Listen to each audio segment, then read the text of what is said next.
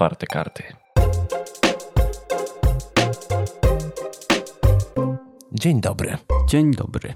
Józef Poznar. Jędrzej Jaskar. Słuchacie podcastu Otwarte karty. Stała się rzecz niesłychana, której chyba najśmielsi obserwatorzy sceny politycznej nie mogli przewidzieć, że w 2021 roku się wydarzy. To znaczy? Niektórzy już nie mogą mówić o prezydencie Andrzeju Dudzie, że jest to prezydent bezobjawowy, ponieważ prezydent zawetował ustawę wywodzącą się z jego własnego obozu. No ale to nie pierwszy raz przecież. Już wetował wcześniej ustawę o sądownictwie na przykład. Piątkę dla zwierząt mówił też, że zawetuje, chociaż nie miał y, okazji potem, bo na finalnie nie wyszła z parlamentu.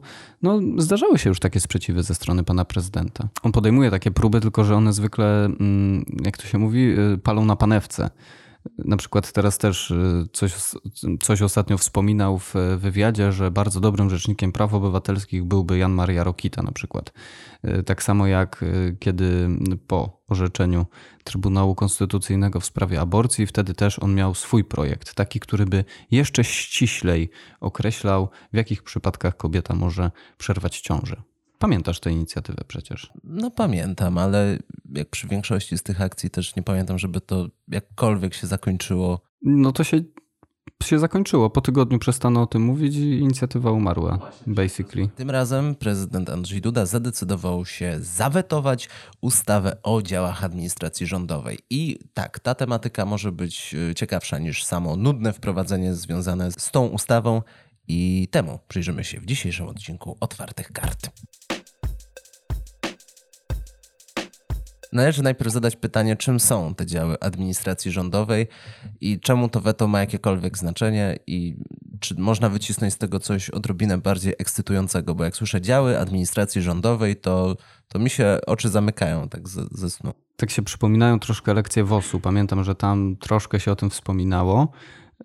No natomiast działy administracji rządowej to jest nic innego jak takie sektory, w których działa państwo. To znaczy w tych działach administracji rządowej możemy mieć taki dział jak zdrowie na przykład, dość szeroki, obejmujący właśnie ochronę zdrowia, edukacja, mm, szkolnictwo wyższe, to też są działy administracji rządowej. Ogólnie chodzi o to, że kształt y, ustawy o działach administracji rządowej wpływa na kształt rządu.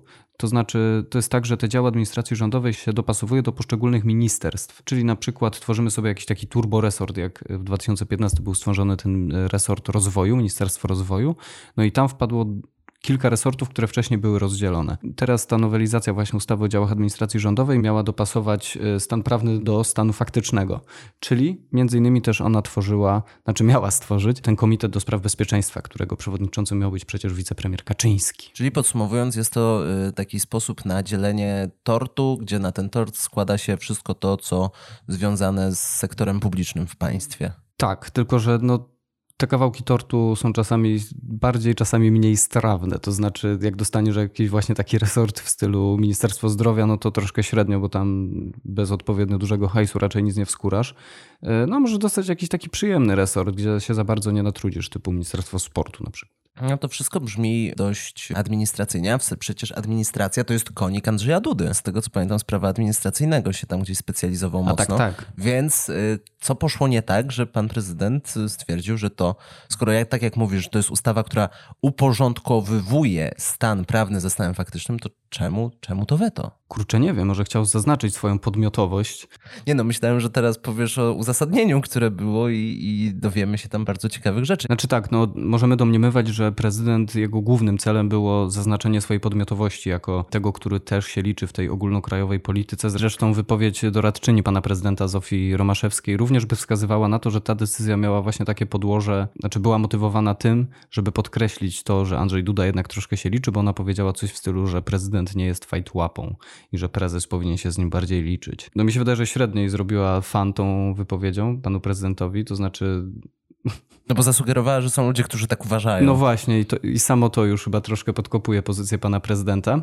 Natomiast chęci podejrzewam, pani Romaszewska miała słuszne, yy, czyli wsparcie dla pana prezydenta, no bo przecież yy, wspiera go nie od wczoraj. Natomiast jeżeli chodzi o weto, tam prezydent podaje kilka uzasadnień, jeśli chodzi o to, co mu się w tej ustawie wyjątkowo nie podoba. No i jedno z tych uzasadnień, najbardziej populistyczne, no bo przecież yy, ta ustawa o działach administracji zmieniała y, status y, y, sekretarzy i podsekretarzy w kancelariach. Chodziło mniej więcej o to, żeby podsekretarze stanu przechodzili do tego sektora, czy też strefy cywilnej. Korpus Służby Cywilnej to są te takie najważniejsze, znaczy może nie najważniejsze, ale najbardziej y, eksponowane stanowiska urzędnicze w Polsce. Oznaczałoby także dla nich możliwość podwyżek, a prezydent powiedział, że w trakcie pandemii podwyżek być nie może. No akurat tutaj się z panem prezydentem zgadzam. To uzasadnienie uznaję za dopuszczalne. Natomiast y, pojawiły się takie wątpliwości w głowie pana prezydenta dotyczące przeniesienia kwestii leśnictwa i łowiectwa z Ministerstwa do Spraw Środowiska do ministra właściwego do spraw rolnictwa. Dlaczego to miałoby budzić jakieś y, większe wątpliwości pana prezydenta? Co nie wiem, ostatnio jeżeli chodzi o te resorty związane ze środowiskiem, to tam się tyle miesza, no przecież y, specjalnie stworzono Ministerstwo Środowiska, nie, Ministerstwo Klimatu, stworzono specjalnie dla ministra Wosia z y, Solidarnej Polski, tylko po to, żeby później z powrotem je scalić y, z Ministerstwem Środowiska. Y, Minister Woś nie miał gdzie się podziać, no i trafił jako sekretarz stanu do Ministerstwa Sprawiedliwości. Natomiast mi się wydaje, że tutaj może chodzić o kwestię lasów państwowych. No przypomnijmy, lasy państwowe dość skrzętnie, no i przede wszystkim dobrze zarabiające przedsiębiorstwo państwowe, które jest, znajduje się pod nadzorem Ministerstwa Środowiska właśnie. No i ministrem środowiska był Michał Woś po rekonstrukcji w 2019 roku, po wyborach. No i to był resort, który podzielono i stworzono też Ministerstwo Klimatu, WOŚ się zajął środowiskiem.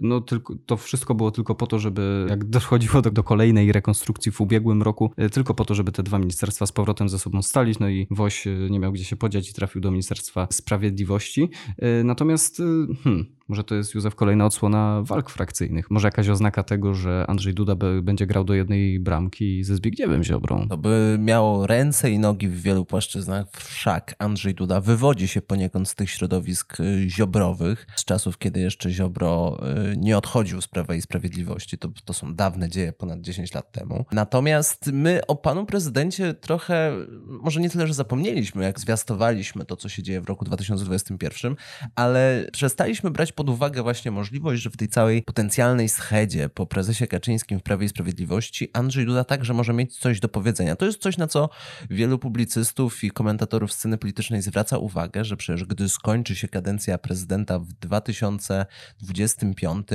to będzie to stosunkowo młody facet, który no, nawet wręcz jest trochę za młody na polityczną emeryturę. Co prawda, w Polsce nie ma takiego zwyczaju, żeby prezydent był aktywny politycznie w sposób czynny, może raczej taki w sposób e, wspierający, jak Aleksander Kwaśniewski, wspierający jakieś tam inicjatywy polityczne, ale na przykład Bronisław Komorowski z tej polityki wycofał się całkowicie. Jako komentator gdzieś tam się gdzieś pojawia tam się pojawia, mediach, ale no... Jako były prezydent, mm -hmm. no bo to jest, to jest też jakaś tam funkcja, którą może pełnić. Lech Wałęsa, no to jak jest z Lechem Wałęsą, to Koniak jest, wiemy. każdy widzi. Natomiast nie ma takiego zwyczaju i tego się raczej nie praktykuje, żeby prezydent po zakończeniu swojej kadencji stawał się liderem sceny politycznej, czy, czy liderem w ogóle jakiejś frakcji politycznej. Trochę jest mi trudno to sobie Ale wyobrazić. Wiesz co? Y, przed pisem wiele razy mówiliśmy, że tego jeszcze nie było, no a się okazuje, może to będzie jakieś nowe rozwiązanie na polskiej scenie politycznej, że na przykład Andrzej Duda z Batą Szydło sobie stworzą jakiś taki blok po pisie. Może przejmą ten pis właściwy. Ciężko tutaj tak wybiegać myślami w przód znaczy, wiesz, czemu mi jest trudno to sobie wyobrazić? Dlatego, że y, to jest taka prosta logika społeczna, że nie awansuje się w dół. Co mam na myśli? Że jednak prezydent jest najważniejszą funkcją w państwie. Jest głową państwa. Top of the top. Mhm. I y, trudno mi sobie wyobrazić, żeby ktoś z tego szczytu schodził na stanowiska, które są niżej. No bo choćby, choćby został premierem, nic nie stoi na przeszkodzie, żeby były prezydent został premierem, ale no to to jest trochę poziom niżej. Natomiast i tutaj dobrze, że wspomniałeś o tym Prawie Sprawiedliwości. Zapomnieliśmy, że w tym ustroju, którym jesteśmy, nieformalną funkcją, która stoi wyżej nad prezydentem, jest prezes ugrupowania rządzącego. No i jest to stanowisko, którego Andrzej Duda nie piastuje. No i może to są jego aspiracje polityczne, żeby faktycznie przejąć schedę i wejść na to stanowisko, które faktycznie jest najwyżej. Czyli myślisz, że Andrzej Duda liczy na to, że obejmie schedę po Jarosławie Kaczyńskim, kiedy ten odejdzie z polityki? Ma na to jakieś szanse. No ma na to szansę. Myślę, że mm, podobnie na to ma szansę Beata Szydło na przykład. No tutaj byłoby pytanie, jakby się mieliby taką władzą podzielić. Wiadomo, że kiedyś e, Beata Szydło i Andrzej Duda no, wywodzili się z tej samej frakcji. Oni byli przyjaciółmi wręcz y, politycznymi. No Beata Szydło przecież e, odpowiadała za tę jego zwycięską kampanię w 2015 roku. I w nagrodę Zwycięstwo, za to... którego nikt się nie spodziewał. Dokładnie tak. I w nagrodę za to była kandydatką Prawa i Sprawiedliwości na premiera i wtedy także wygrała. Ta ich przyjaźń polityczna kończy się mniej więcej w roku 2015 i wtedy, gdy były całe te sytuacje z Trybunałem Konstytucyjnym, kiedy to zarówno Beata Szydło, jak i Andrzej Duda podzielili się odpowiedzialnością za aktualny stan prawny i no, nagle przestała się ta przyjaźń w jakikolwiek sposób kalkulować. No ale widać, stara przyjaźń nie rdzewieje. No i nadal i publicyści, i komentatorzy sceny politycznej mówią o tym, że tam jakieś ciche sojusze są zawierane, czyli że y, mamy do czynienia z taką frakcją Duda, Szydło i możliwe, że tam jeszcze coś sobie knują ze Zbigniewem Ziobro. Czy ja mam wrażenie, że my w tym momencie trochę wybiegamy bardzo przysz w przyszłość i bardzo możliwe, że to weto ma y, o wiele bardziej prozaiczne i osadzone w teraźniejszości przyczyny, ponieważ może faktycznie wszystko rozgrywa się o tą podmiotowość i o tą walkę o podmiotowość, e, bo kto śledzi poczynania prezydenta Andrzeja Dudy, jego wypowiedzi i wszystko to, co się dzieje tam w tle, prezydent chciałby mieć bardziej liczącą się funkcję politycznie. On chciałby, żeby to stanowisko prezydenta było liczącym się głosem w polskiej polityce. Niestety tak nie jest. Kiedyś bywało, teraz tak nie jest, więc możliwe, że w ten sposób chce dać o sobie znać. Że on, y, pomimo tego, że jest prezydentem i nie ma zbyt dużego wpływu na decyzje polityczne w państwie, to może jeszcze kiedyś wpływ na te decyzje będzie miał. W tym uzasadnieniu także można przeczytać, że ta ustawa miała bardzo krótkie vacatio legis i przecież ona miała wejść w życie od 1 stycznia. Tak, on się czuł podstawiony pod ścianą. Tak, no bo on miał czas na podjęcie decyzji do 8, czyli co to już miało działać wstecz, to trochę tak nie w porządku, więc yy, pomijając to, że były sytuacje, kiedy mu to absolutnie nie przeszkadzało, teraz zaczął przeszkadzać, bo chce zaznaczyć swoją pozycję. Chce... Ale wtedy to były ustawy o kluczowym znaczeniu dla funkcjonowania państwa, Józef. No tak, a ustawa porządkująca y, bałagan prawny nie jest taką, więc czemu nie? Prezydent chciałby, żeby po prostu ludzie, e, żeby był brany pod uwagę, jeśli są jakieś konsultacje polityczne, żeby się do niego zgłoszono, poinformowano go o tych planach, które się dzieją. No ja, to, ja, to, ja tą retorykę bardzo, ja, ja to rozumiem. Ja też to rozumiem, y, natomiast chciałem jeszcze tylko tutaj nadmienić, że wydaje mi się, że znowu wybiegnę trochę za bardzo y, w przyszłość, ale wydaje mi się, że Beata Szydło i Andrzej Duda wizerunkowo mogą zagarnąć największą część tego e- elektoratu PiSu w razie gdyby y, Kaczyński odszedł i miało dojść do jakiegoś rozłamu w partii. Co jeszcze się z tym wiąże, to to, że nie wykluczałbym tego, że Beata Szydło za pięć lat może wyrazić chęć na przykład startu na prezydenta. Beata Szydło i Andrzej Duda to są dwie osoby z największym poparciem społecznym wewnątrz Prawa i Sprawiedliwości. Nawet Mateusz Morawiecki czy Jarosław Kaczyński nie mogą na to liczyć. No dużo stracili właśnie w ostatnich miesiącach, no a Szydło i Andrzej Zwłaszcza, że się nie wychylają. Beata prawda? Szydło, pomimo, że jest nieobecna w, na tej arenie polityki polskiej, no to przecież gdy została wybierana do tego parlamentu, no to pobijała wszystkie rekordy tej popularności. Andrzej Duda no, wygrał w drugiej turze, ma mandat 10 milionów Polaków. I teraz wyobraźmy sobie sytuację, w której Prawo i Sprawiedliwość zaczęłoby grać przeciwko Andrzejowi Dudzie, no to musieliby zacząć uprawiać narrację, że jak to, rok temu prezydent taki fajny, taki git, tutaj super wszystko, a teraz, a teraz to się popsuł, teraz to nie.